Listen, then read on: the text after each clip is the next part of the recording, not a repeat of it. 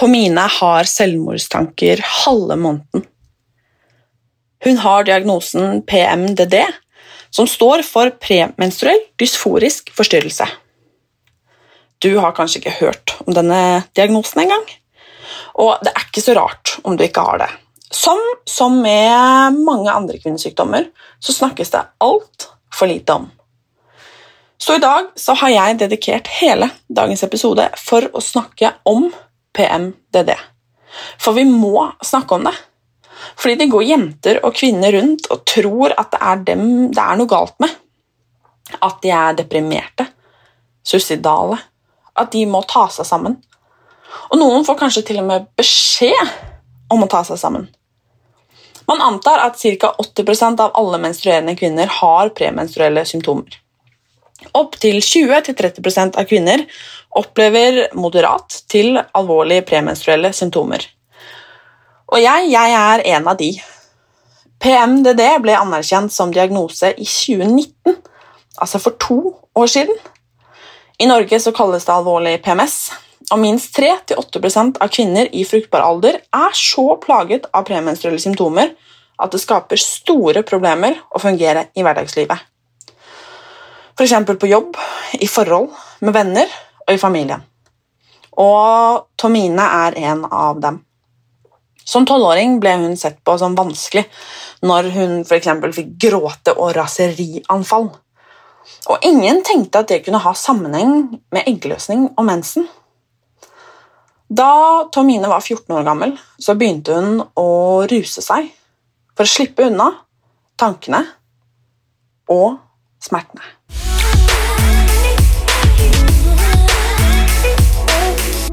Når var det du følte på dette her første gang? Det var når jeg var tolv år, eh, og jeg hadde gleda meg så sinnssykt til å få mensen. Eh, jeg hadde vært med i Libresseklubben, vi var fem jenter i klassen. Jeg var nest siste og bare tenkte på at nå skal jeg få mensen snart. Men den kom jo ikke. Jeg satt i badekaret, og det var blod i badekaret, og så tenkte jeg at wow, nå har jeg fått mensen. Og så gikk det liksom noen dager, og så stoppa jeg for det første aldri blø, og så når det gjorde det, og så skjedde det et eller annet med meg. Jeg blei så Jeg hadde en sånn derre enormt raseri. Jeg, altså, jeg tror jeg, jeg, kunne knust på en måte liksom hele huset mitt. Jeg hadde enorme smerter. Jeg klarte ikke å røre på meg. Jeg lå liksom bare i senga og holdt meg fast. Og så får jeg bare beskjed om at ja, men det her er helt normalt, det her opplever alle sammen. Men jeg, men jeg det kan jo ikke ha Det kan ikke, her kan ikke være Det her er jo ikke meg. Hvorfor er jeg sånn? Jeg gråt hele tida, jeg var sinna, jeg var fortvila, og det var ingen som så meg eller hørte meg, og det var sånn enormt monster som bare spiste meg opp innenfra, og så ble det borte sånn når jeg fikk mensen igjen. Og sånn gikk det da hele tida, fram til jeg fant ut hva det var. I mange, mange, mange år. Fryktelig tungt. Mm, det er kjempetungt. Snakka du, eller når du på en måte var ungdom, da, Ja. eh, oppsøkte du noen gang hjelp? Eh, nei, for jeg ble sett på som veldig vanskelig og utagerende. Jeg begynte å ruse meg veldig tidlig fordi at jeg på en måte søkte noe som på en måte kunne gjøre at jeg kunne bli frisk, da. Fordi at jeg hadde noen sånne demoner inni meg som på en måte ikke var meg. Og plutselig så var jeg helt normal, og så var jeg ikke normal. Og det derre uh, sinnet og raseriet og, og, sånne ting. Og så når jeg da rusa meg, så blei på en måte det borte. Og, og jeg flytta for meg sjøl når jeg var 15, og det var jo i hvert fall ikke lurt, fordi da på en måte kunne jo Da var det jo ingen voksne som uh, så meg. Ikke at det var så mye før det heller, men, men da kommer du enda inn i en sånn kjempevanskelig sånn sfære da, som ikke fungerer for deg i det hele tatt, og så kommer du i en sånn dårlig loop hele tida. Mm. Skjønte du at dette på en måte hadde sammenheng med mensen? Absolutt ikke i det hele tatt. Nei. Fordi at når den gikk over sånn, når jeg fikk mensen, så glemte jeg jo at jeg hadde hatt det sånn. Da var det som om det ikke hadde eksistert. Og sånn kan det være enda den dag i dag, enda jeg veit at jeg har PMDD. Så kan jeg gå sånn 'Å, alt er så fint', og så plutselig så kan jeg liksom stå og vaske gulvet, og så bare Der er den. Det kan jeg faktisk kjenne meg veldig igjen i. Mm. Og det sier jeg ofte, jeg også, med endometriosen. Ja. Og når jeg merker at nå begynner humøret å, Ja. forandre seg, det der at man fortrenger det liksom litt. Ja. Og de smertene jeg, jeg ofte har, eh, jeg glemmer det liksom, Mm. fra til neste gang. ja. For at øh, det er kanskje litt fint, egentlig, at Altså, man glemmer. Det, det er kanskje grunnen En sånn eh, selv... Eller sånn mekanisme kanskje man har Nesten en sånn i overlevelsesmekanisme. Ja, Mhm. fordi at eh, Altså, hjernen er jo finurlig, at den er jo kjempespennende, eh, og den Altså, hvis man skulle gått og tenkt på Å, herregud, da hadde jeg det helt forferdelig. For den derre pausen du har, da Altså, det er jo den som gjør at du klarer å komme deg gjennom neste gang og neste gang og neste gang. Mm. Fordi du klarer å tenke at det er sånn som Det går over. Jeg må bare holde meg fast akkurat nå. Mm. Hva trodde du at, at det var? At jeg tenkte at kanskje jeg er adoptert, eh, fordi at kanskje jeg har fått med meg noe fra de. Eh, når jeg vokste opp, så var jo alt tabu, man kunne jo ikke snakke om ting, så jeg kunne jo på en måte ikke liksom si, og siden alle så på meg som veldig vanskelig, eh, noe jeg også var, så, så Nei, det var var, alt var bare vanskelig, skjønte ikke, skjønte ikke. Men når du sier vanskelig, hvordan, hvordan var du da? Hvordan oppførte du deg? Jeg gjorde mye gærent. Ja, jeg var, jeg var en ramp. Så, og siden jeg begynte å ruse meg veldig tidlig, og det rusmisbruket blei veldig tungt etter hvert, så gjorde jo det at jeg slutta å ha mensen i flere år, som gjorde at jeg da var n- normal. Jeg var vanlig til min, da. Eh, men å ruse seg er jo ingen løsning. Eh, så da går man jo på en skikkelig smell der. Så eh, det gikk jo ikke veldig bra. Og så begynte jeg sånn smått å få mensen igjen, fordi jeg rusa meg litt av og på. Og så hadde jeg en overdose 2. desember 2002. Og den gjorde at jeg nesten mista livet. Men det er jeg veldig glad for at jeg har opplevd i dag, fordi at eh, når jeg opplever mine selvmordstanker nå, så kan jeg tenke tilbake på det, og, men jeg vil jo ikke jeg, Det er jo ikke det at jeg vil dø, jeg vil bare ikke være her og være en belastning for de som er rundt meg.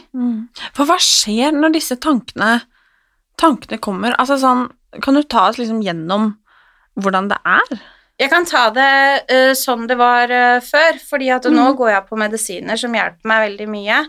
Eh, men før så var det jo å, å um, Før jeg begynte å gjenkjenne dem, så var det jo fullstendig kaos, hvor jeg på en måte bare isolerte meg fullstendig fra alle sammen og bare fokuserte på sønnen min og jobben min og skole og sånne ting. Og, og da går det jo til et punkt hvor kroppen sier stopp. Um, fordi at du, du skjønner ikke hva, hva er det her, hvorfor får jeg det ikke vekk, hvordan det blir sånn Du må dunke deg sjøl i huet. Altså, du får angst. Uh, du, du klarer ikke å forholde deg til andre mennesker. Du havner kanskje i unødvendige situasjoner og diskusjoner i, med venner, familie og jobb, da, ikke minst. Eh, og så har du jo eh, smertene som er på en måte oppå det, for det er jo mange med PMDD har jo også veldig store smerter, kroppslige smerter. Så Typ da som mensensmerter, eller i kroppen generelt? i kroppen, muskel- og leddsmerter, eh, eggstokkene. Eh, det er jo er, jeg vet ikke, Med endometriose så sitter vel i livmora, men hos oss så er det jo eggstokkene. Mm. Jeg har vanskeligheter med å, å gå oppreist, jeg har vanskeligheter med å reise meg opp. Eh, hvis vi er på butikken, og de på en måte Fordi de, det føles ut som de detter ut. Eh, og at de på en måte er sånne Sånne bomber, vet du, med sånne pigger ut. Føl, sånn føles det ut. Så du klarer ikke å konsentrere deg om noe annet enn å presse tankene bort og leve med smertene. Det er det som gjør at du på en måte kommer deg gjennom. Og da fører det igjen til utmattelse. Fordi du, ikke sant, du sliter deg ut eh, psykisk og fysisk med å holde kroppen din og huet ditt i sjakk. Og da ligger du rett ut. Hvor lange har disse periodene vært? De, altså mine perioder er jo Jeg har det jo fra 10 til 16 dager hver måned før mens. I dag er jeg på dag fire. Eh, som altså Du teller jo fra første dag med mens og så framover. Så i dag så er jeg 100% meg selv, så det er veldig deilig. Eh, så i dag kan jeg smile og le og Men hadde du møtt meg for en uke siden, så, mm, så hadde jeg ikke hatt noe bra. Da låser jeg meg inni meg sjøl. Mm. Hvordan er det? Det er ikke noe godt. Det er vondt fordi jeg føler jeg sårer de rundt meg, fordi at jeg trekker meg vekk. Jeg Jeg er ikke noe god på å lese andre mennesker, hva de sier, hva de gjør. Jeg tar alt negativt. Og så må jeg på en måte jobbe veldig med det for å fremstå som normal og um, vanlig, da. Um, og det gjør jo at man blir veldig sliten. Så jeg må hvile veldig mye. Så da har man jo ikke noe liv sånn utenom det. Man har ikke noen venner, fordi de slutter jo å be deg når du ikke kan komme, ikke sant. Så man har jo de som man har blitt kjent med gjennom eh, PMDD, da. Og det er kjempegodt å kunne liksom sende en melding, eller jeg får jo ofte meldinger av de som jeg har i har på PMDD Norge. Og da kan jeg sette meg sjøl til side, og så kan jeg snakke med de og støtte de og komme med råd og sånne ting. Og da bygger jeg meg litt opp igjen. Eh, så da hjelper det. Når var det på en måte at du begynte å tenke eller føle at dette her Jeg kan ikke ha det sånn her, jeg må ha hjelp. Når Ja. var det du fikk hjelp? Du, det, eh, som jeg sa i stad, så går det jo til et punkt hvor kroppen sier stopp. Så det skjedde med meg i 2017. I mars 2017. Eh, da, Hvor gammel var du da? Eh, oi. Mm, nå er jeg 39, Mm. så det er jo da fire år siden. Så jeg var eh, 35, da. 34-35 eller noe sånt. Mm. Mhm. Det er ganske lenge fra 12 år til 34-35. I gjennomsnittet så tar det jo tolv år før man får en diagnose for PMDD. Så, mm, og her i Norge så er det jo ikke så mange som setter den diagnosen heller, eh, fordi de ikke anerkjenner den. Men eh, da kollapsa jeg totalt. Jeg, altså, jeg er mamma til en gutt som er autist, og har jo vært aleine med han hele tida, så mm, all min fokus har vært på han. Det var å jobbe, og det var å studere ved siden av. Så en dag da når jeg skulle gå på jobb, så, så kunne jeg ikke gå på jobb, fordi kroppen min den hadde bare slutta å fungere. Og så balla det seg bare på, jeg fikk en blodpropp, og jeg eh, bare Kroppen min var totalt shutdown. Og jeg raste ned 37 kilo liksom på litt, og, litt under et år. Eh, og så mm, var jeg i et forhold som ikke var veldig bra. Han var ikke noe grei med meg. Så når jeg på en måte da tenkte jeg, shit, nå, det er noe gærent med meg, og det er ikke, det er ikke sånn det her skal være. Eh, og så mm, har jeg jo hatt også mye problemer med livmor, eggstokker, eggstokkbetennelse, smerter og alt sånt, så eh, jeg ble lagt inn på sykehuset fordi de hadde mistanke om kreft. Eh, og da var det en lege der som sa at hvis sønnen din skal ha en mamma, så må du faktisk roe ned nå. Eh, du må faktisk ta vare på deg sjøl. Og da var det en sånn Ok.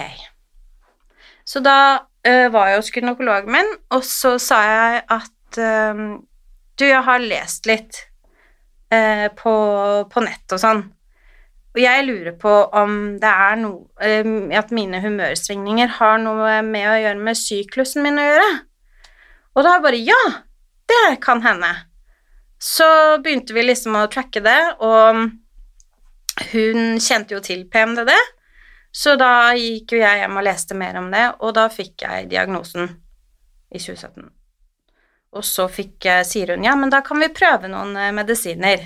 Eh, Finnes det medisiner på en måte spesifikt for dette? eh, eh, nei, det er hormonbehandling. Ja. Ja.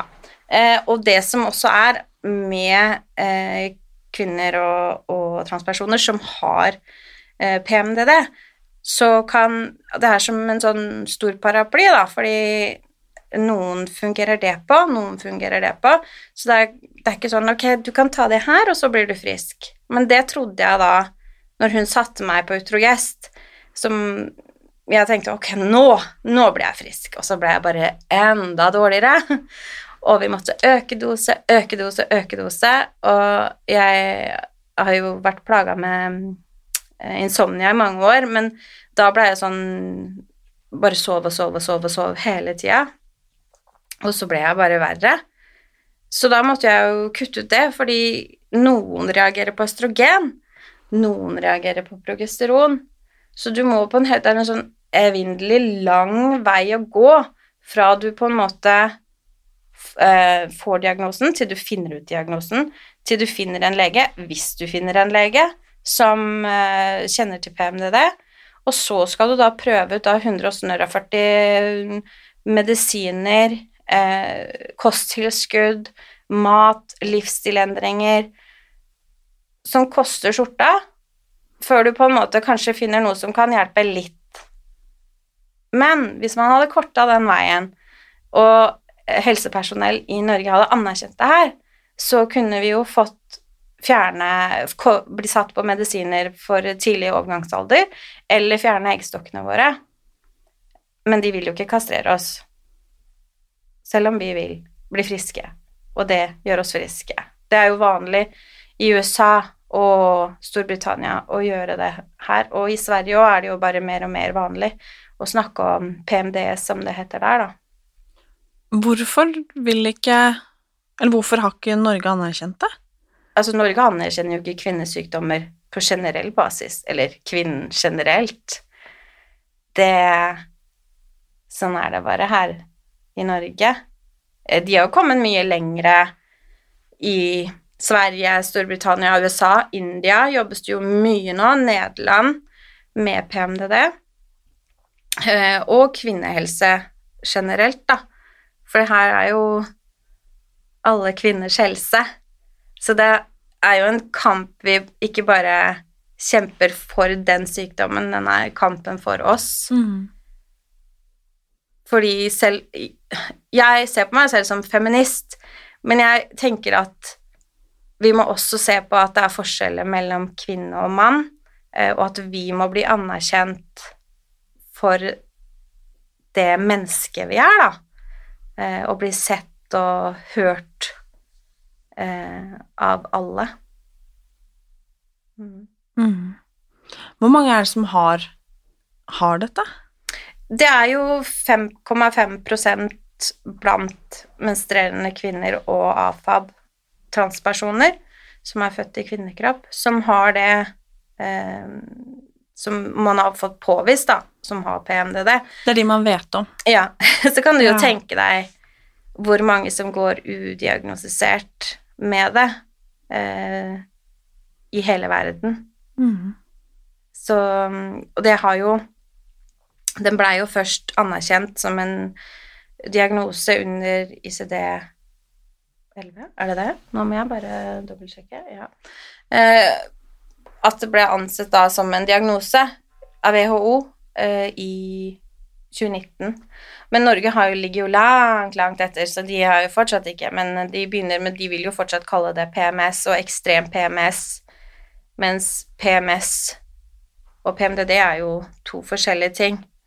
Det er som Jessica beskriver det, eksempel, som er med meg i PMDD Norge. Den store, stygge, slemme storesøsteren til PMS, da. Mm. Sånn Askepott. ja. Du har jo sagt at du har selvmordstanker, Mm, og det er jo ganske brutalt. det er det. Hvor, hvor kommer de fra, tror du? Nei, altså, de kommer jo, da, eh, snikende inn i hjernen som en sånn derre svart, tjukk masse. Eh, og så bare De ligger der litt bak der, uten at du liksom tenker over det. Den bare liksom snakker til deg. Jeg pleier å kalle det for hun, hun, hun andre. jeg er ikke splitta personen, men Det høres sånn ut når jeg snakker om hun andre, men det er den, den i meg som ikke er meg, da. Og så kommer det så akkurat som en sånn bølge da, som slår innover deg. Sånn uff, uff, og så er det der. Og så da, når det da bare går opp for deg at shit, nå, ok, nå, nå kom det. Nå er jeg løsning. Nå er det bare å rydde kalenderen og bare være akkurat her og nå. Hold deg fast. Det her går over. Men du klarer på en måte ikke å Fordi du, du får sånn um, konstant liksom med hjertet ditt her. Sånn tenk, Angsten, ikke sant, som sitter der konstant hele tida. Redd for å si noe feil, redd for å gjøre noe feil, redd for å være en belastning. Tenke at uh, de har det så mye bedre uten meg. Uh, jeg vil ikke være noen byrde for noen. Eh, og det er kjempevondt. Tror du at en del, både fagpersoner, men også andre, vanlig, holdt jeg på å si, um, kan tenke sånn Eller at det er lett å tenke sånn Nei, men du er jo bare deprimert, Ja, ja. eller Mm. du er jo bare ja, psykisk syk, liksom, fordi at du har det sånn. At du er bipolar. Ja, Mhm. jo, men at man på en måte ikke At man velger å ikke knytte det til Mm. om vi skal- da skal kalle det for den store paraplyen kvinnehelse, liksom. Mhm. At det, det er sånn det er å Mhm. være kvinne for mm. ganske mange. Ja. Eh, at man på en måte skyver det under, liksom. Nei, men Mhm. Man får litt den der Nei, men hun er bare gæren. Paraplyen, liksom. Mhm. Skjerp deg. Mm. Vi har det, det er alltid noen som har det verre enn deg. Og noen ganger så Det er det siste du trenger å høre, liksom. Så da Du snakker jo ikke om det eh, til noen. Du skjuler det inni deg og lever på en måte på en sånn ja, løgn, kanskje, fordi du hele tida må framstille deg på en eh, perfekt og positiv måte, fordi at ingen skal se hvor jævlig du egentlig har det inni deg. For du er jo Jeg vil jo si det, de dagene som jeg har eggløsning eh, Før, da, eh, så var jeg dypt deprimert, og jeg skjønte ikke hvorfor. Eh, og jeg var hos eh, Jeg var på sånn rehabiliteringsopplegg hvor jeg snakka med en sånn psykiatrisk sykepleier, og, og da prøvde jeg liksom å fortelle litt av hvordan jeg har det, og så sier hun til meg men Tomine, jeg, jeg, tror, jeg tror faktisk ikke du er deprimert, jeg tror du bare er jævlig sliten. Eh, og det, det gjorde noe med meg at jeg på en måte endra tankegang, for jeg tenkte jo med meg sjøl ok, jeg er jo deprimert. Eh, jeg har altså Det er bare sånn jeg er. Men jeg er jo ikke det, for jeg er jo egentlig en veldig glad og eh, oppegående person som egentlig er veldig sosial, men på grunn av sykdommen min så, så klarer jeg ikke å være sosial. Ehm, og nå datt jeg ut. Det er ikke så rart. Nei. Det er um, Det er uh, Det er rart at på en måte noe som gjelder så mange av oss, at Mm. eh, Og selv jeg, som er ganske opptatt og satt inn i, i kvinnehelse, da, Mm. at dette er noe og PMS kjenner jeg jo godt til selv, Ja. men at dette er på en måte noe som er Jeg tror På skolen, for eksempel, jeg tror aldri jeg har hørt om dette. Nei. Jeg tror aldri Jeg har på en måte ikke noe kunnskap om det. Mm. Og jeg har jo på en måte Altså, man tar eh, PMS, da. Mm. Eh, det har jo på en måte bare vært en sånn Åh, har du PMS nå, liksom? Ja. Åh, har mensen, liksom. Mm. Det har vært litt grinete, liksom. Eh, åh, det er jævla mensen, liksom. At det har på en måte blitt Og ikke av meg, for å si det sånn, Ja. eller de det gjelder, ja, tror jeg, men at det har blitt en sånn flåsame. Mm. Når det faktisk er blodig alvor. Mm. Ja. Og jeg sitter jo bare nå og tenker på hvor mange som kan kjenne seg igjen det du beskriver nå, Mm. som kanskje sitter der nå og tenker Å ja. Fordi man kanskje har tenkt at man er gæren. Mm. At man er deprimert. Ja. At man er At det er noe feil med en. Ja. Og så kan man jo godt kalle dette en, en feil på den måten, men allikevel så er det jo ikke det. Nei. Det er så sjukt, liksom. Mm. Det er en kjemisk ubalanse som du får i hjernen din. Det er en Mhm. forklaring på hvorfor du kanskje tar noen dumme valg, hvorfor du blir sinna, hvorfor du ikke klarer å fungere sammen med kjæresten din, eh, hvorfor du på en måte kanskje har litt kortere lunte med barna dine. Altså, det er en kjemisk reaksjon som skjer i hjernen din, som faktisk er en sykdom. Eh, og jeg er helt overbevist om at hvis vi hadde fått det her opp og fram, og kunne snakke, ha det i pensum eh, hos eh, unge jenter, eh, og gutter for den saks skyld òg, for de trenger også å lære om eh, at eh, jenter har det her, eh, og at man kan, må ta hensyn. Eh, og jeg er da overbevist om at hvis vi hadde kommet ut og fått gjort det her som en del for f.eks. helsesøstre, så er det mange jenter som ikke ville tatt livet av seg. Det er jeg helt overbevist om. Eh, fordi en av grunnene til at jeg tok overdose den gangen for mange, mange år siden, eh, var jo fordi at jeg ikke orka stå i det her. Jeg tenkte ok, nå, nå gjør jeg det bare. Sånn. Men så heldigvis, da, så lærer man seg når man blir eldre. Men hvis man da får høre om det her Det er, det er faktisk flere som har det sånn. Så kanskje de ikke gjør dumme valg, da, som fører til at de kanskje havner i situasjoner som gjør at de tar livet av seg, faktisk. For det er veldig mange unge jenter som gjør det, og jeg tror at noen av de kan ha PMDD ut ifra det jeg observerer. Mm. Mm. For du får en sånn veldig dårlig impulskontroll som gjør at du Når du ikke er klar over at du har en sykdom som eh, gjør at du får selvmordstanker, og så sier impulskontrollen din, eller den derre styggen på ryggen Det er ingen som vil ha deg. Du er stygg, du er feit, du, du er, du er, Alle bare syns du er dritt. Hvorfor er du her, egentlig? Gå og ta livet av deg, så slipper alle å ha deg her. For det er sånne tanker du har konstant før du lærer deg at du må holde deg fast og jobbe med det, jobbe mot det og si at det her, det her er ikke meg. Jeg kommer til å komme meg gjennom det. Jeg trenger å finne et samfunn som kan støtte meg, andre jeg kan prate med, og jeg kan finne behandling som kanskje fungerer for meg. Og vi er jo mange nå. Eh, Vi har jo en gruppe på Facebook eh, som heter PMDD Norge norsk gruppe, og så er vi jo også på Instagram og Facebook PMDD Norge.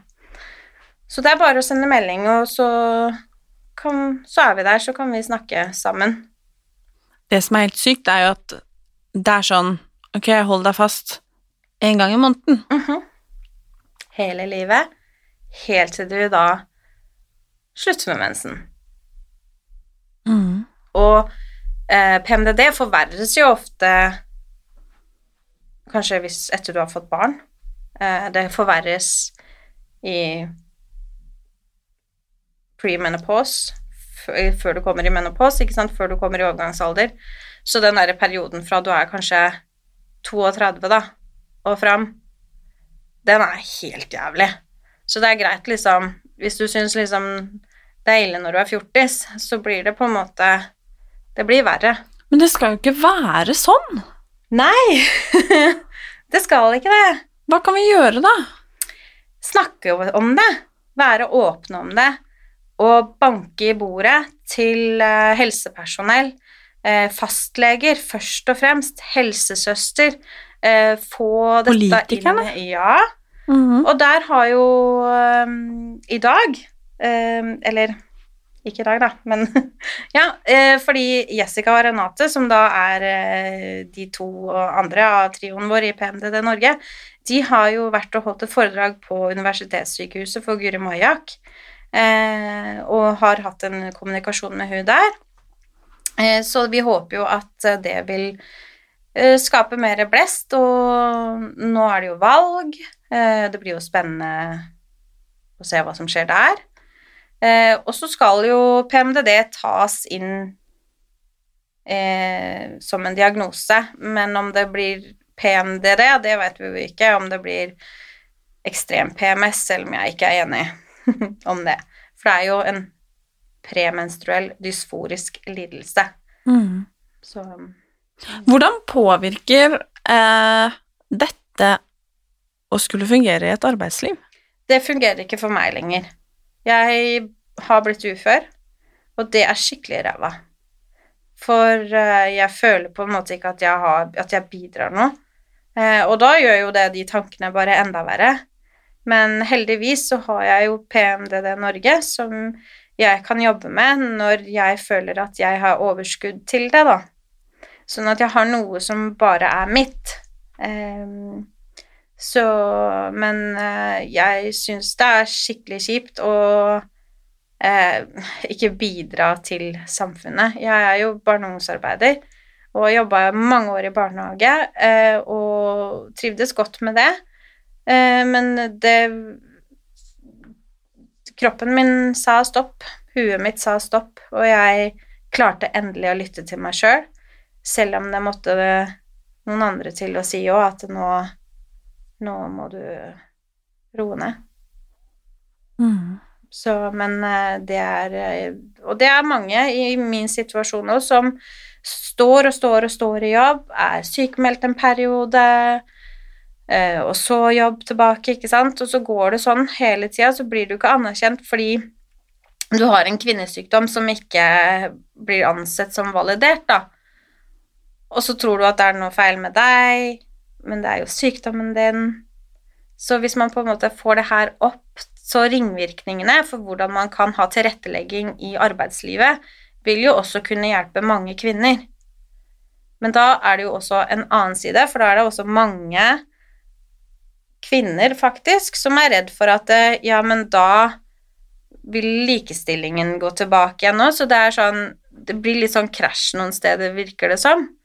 Um, Ja. Mm. Jeg vet jo med Når jeg har mine verste endoperioder, så vet jo jeg at uh, da er det noen dager eh, Og det er mange som har det mye, mye verre enn meg. mm, Uh, men for, altså sånn Som er sengeliggende. ja. Uh, og nå er jo jeg sjelden det, mm. for at jeg, som sikkert veldig veldig mange andre, biter tenna sammen Ja. og gjør det beste ut av det. Ja. Um, og det går jo ofte, Mm, ikke alltid, Um, men det føles jo frustrerende mm, å, ikke ha noe annet valg. ja. Eh, for at man kan jo ikke, altså i, i arbeidslivet, i samfunnet, være ha det sånn en gang i måneden. Nei. Samfunnet er jo ikke lagt opp til det, og Nei. hvis man skal si det sånn, så kan det jo på mange måter ikke være det heller. Nei. Ikke sant? Og det er jo frustrerende fordi at det som gjelder deg, og det som gjelder meg, er bare noe av det her. Mm. Det finnes jo ekstremt mange andre til... Bitte liten del av Det det. er akkurat det. Ja. Tilstander og diagnoser som som gjelder ekstremt mange kvinner. Mm. Um, og det er rett og slett kjempevanskelig. Og det er derfor jeg også har så stor tro på at man faktisk prater om det. Mm. Eh, fordi jeg kjenner damer som er liksom Altså de råeste av de råe jeg Ja. vet om, som er liksom De er topptrente, de er presterer dritbra i det de gjør, liksom. De er rett og slett helt rå. Mm. Eh, og så har de én til to dager i måneden, Mm. eh, som for veldig mange er lite. Mm. Kanskje to til tre. Eh, der de er skikkelig ute. Mm. Altså sånn skikkelig ute. Mm. Man har ikke noen garanti for at det kommer en helg. Nei, det er nettopp ikke det, ikke sant? Og man blir så redusert. Og så er det det at det ikke fungerer sånn at man kan strekke hånda i været og si at nei, sorry, jeg kan ikke komme på jobb i dag fordi at hva da? Mm. Og det har jeg slitt mye med selv, at jeg sliter med å ha et språk for det. Mm. Um, for at det er for vagt å skylde på mensen, Mm. liksom. Det er på en måte Det er ikke For det første føler jeg ikke at det er gyldig nok. Det er ikke anerkjent. Nei, men det er på en måte ikke Altså, mens Altså, det er så mangt, Ja. liksom. Ja.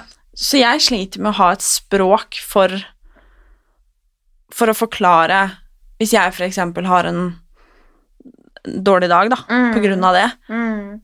Jeg vet ikke hva jeg skal kalle det.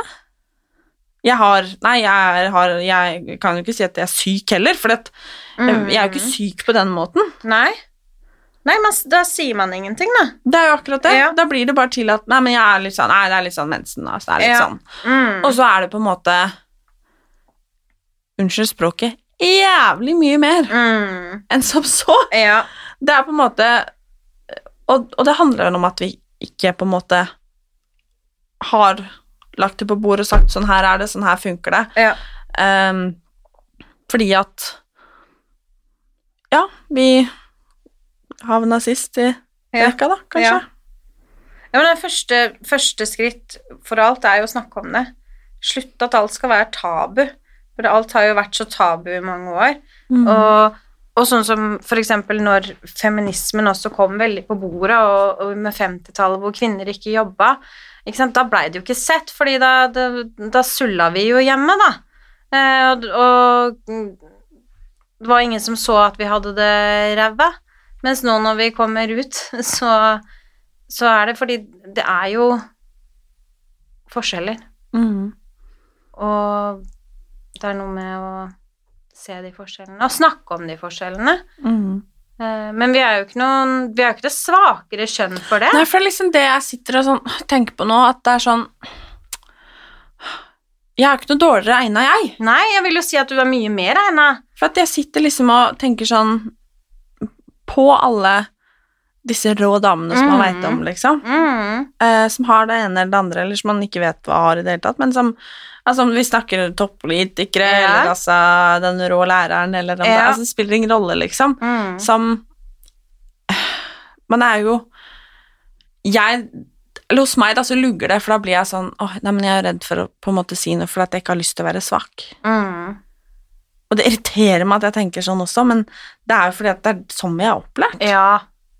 Og så har man en sånn indre stemme som sier også, da, at man er svak. Mm. Men jeg tenker jo at fy flate, vi er råsterke, og vi må klappe oss sjøl på skulderen, og selv om det er kjempevanskelig Fordi altså, kroppen vår Altså uansett om du har PMDD, PMS, endometriose eller hva som helst, da, så den går jo gjennom ganske store forandringer i løpet av livet, eh, og vi er råsterke kvinner, altså. Jeg er så stolt av å være kvinne, eh, selv om man har en drittsjukdom som bare ødelegger det.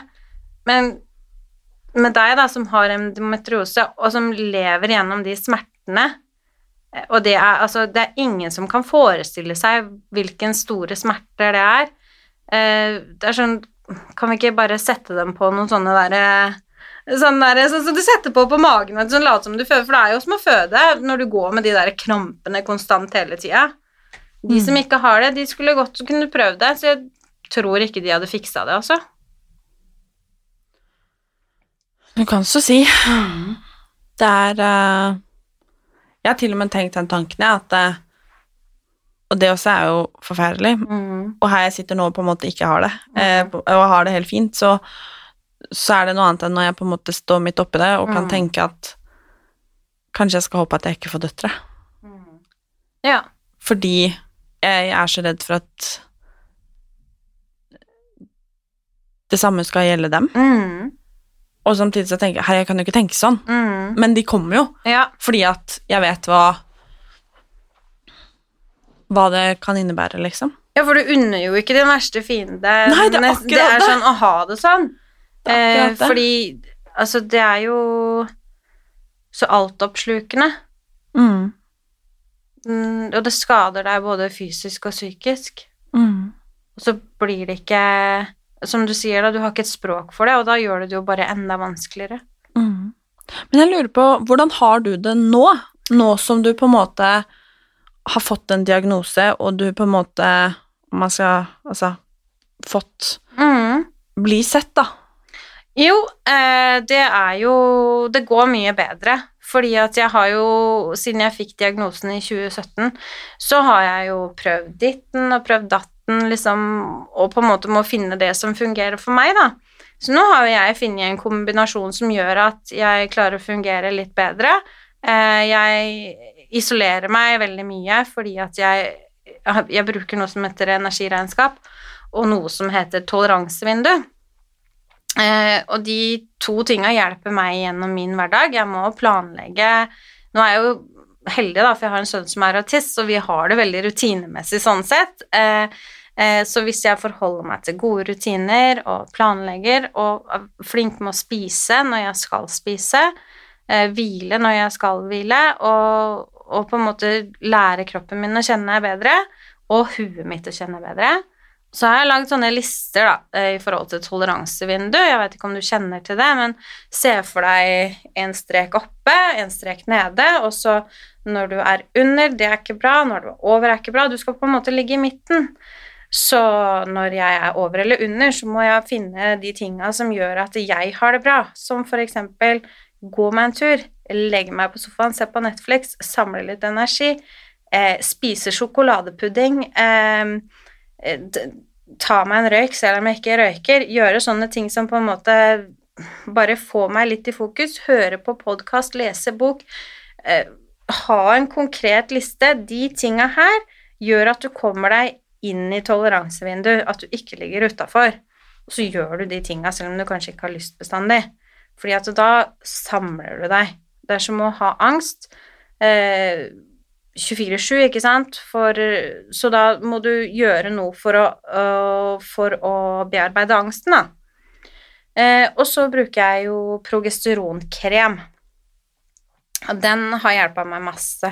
Hva er det? Eh, det er en krem som blir lagd på universitetssykehuset. Eh, den er kjempedyr. Du får den ikke på blå resept, fordi du er jo kvinne. Eh, så, eh, men den er vel verdt hvert øre, så det, er, det smører jeg meg med hver dag, gjerne morgen og kveld på tynn hud, da. Og så smører jeg meg litt ekstra, f.eks. i dag, hvis jeg, når jeg skulle møte deg. Fordi da kan jeg bli litt sånn entrert og liksom hjerteklapp og sånne ting. Da tar jeg en ekstra smørings med progesteronkrem, og så eh, roer meg litt ned. Og så bruker jeg noe som heter GABA. Og det vil jeg anbefale til alle som sliter med angst. Eh, og ehm, Fordi at det gjør at du blodpumpa di går ned. Du har jo naturlige GABA-reseptorer i kroppen. Det er ikke alle som reagerer samme på GABA og blir rolig og litt mer sånn samla. Noen kan bli litt mer gira, og da vil jeg jo ikke anbefale det. Det er jo et kosttilskudd, det er jo noe man har naturlig i kroppen, men som man da under eggløsning eh, får mindre av. Og så er det noe som heter 5-HTP, som er min, min redning. Eh, For det er serotonin, og serotonin er et hormon som vi har i kroppen. Eh, Men når vi kvinner har eh, eggløsning, eh, og når vi har mens, så går serotoninnivåene ned. Og det sier seg jo sjøl at når man har et lykkehormon i kroppen som bare rett i dass, så har man det jo ikke noe bra. Eh, så det er jo noe jeg tar når jeg har eggløsning, som gjør at jeg ikke har selvmordstanke lenger. Og det er veldig deilig. Og når jeg kjenner at selvmordstankene kommer, da grugler gurgler det litt baki der, og så tenker jeg ok, nå, nå, må jeg gjøre noe med det, så kan jeg ta en 5-HTP, og så tar det 20 minutter som jeg holder meg fast, og så går det over. Eh, og det er jo et tilskudd. Det er et hormonelt tilskudd. Før så måtte man få det på resept, men nå trenger man ikke det lenger, heldigvis. Og det er jo også noe som eh, min gynekolog i hvert fall har anbefalt meg, da, og som hun også har gått ut med og anbefalt.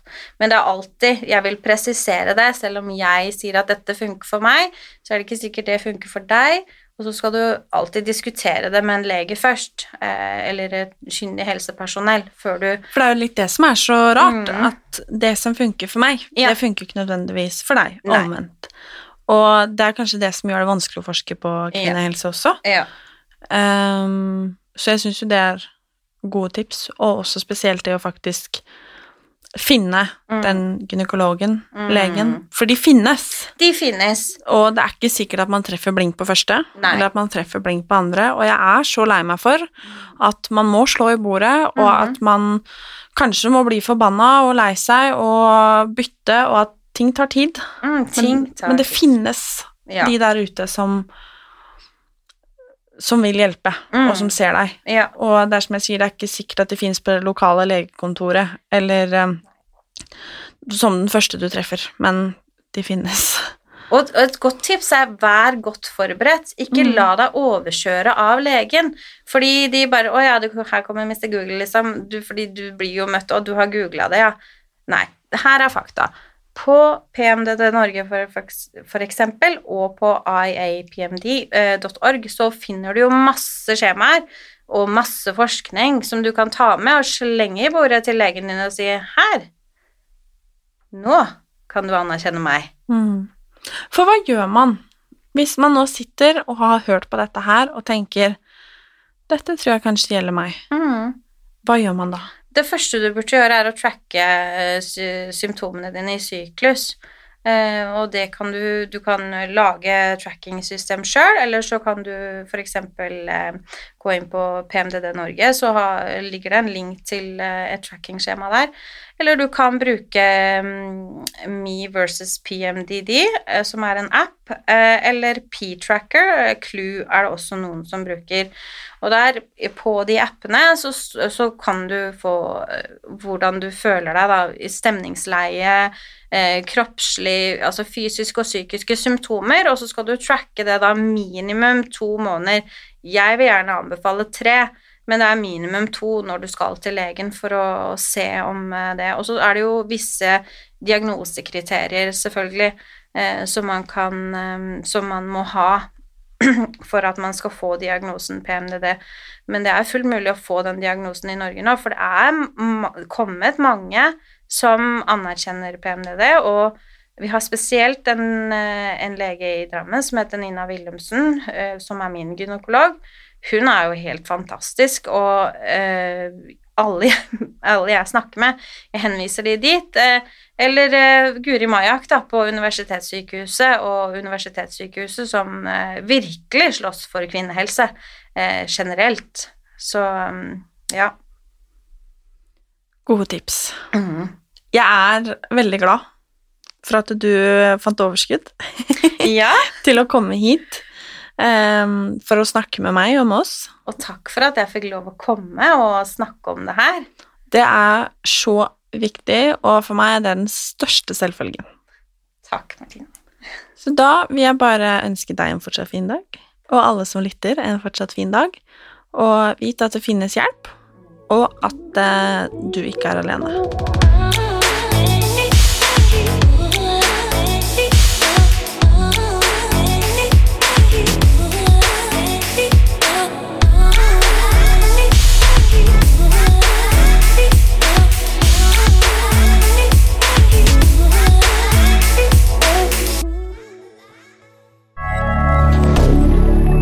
media.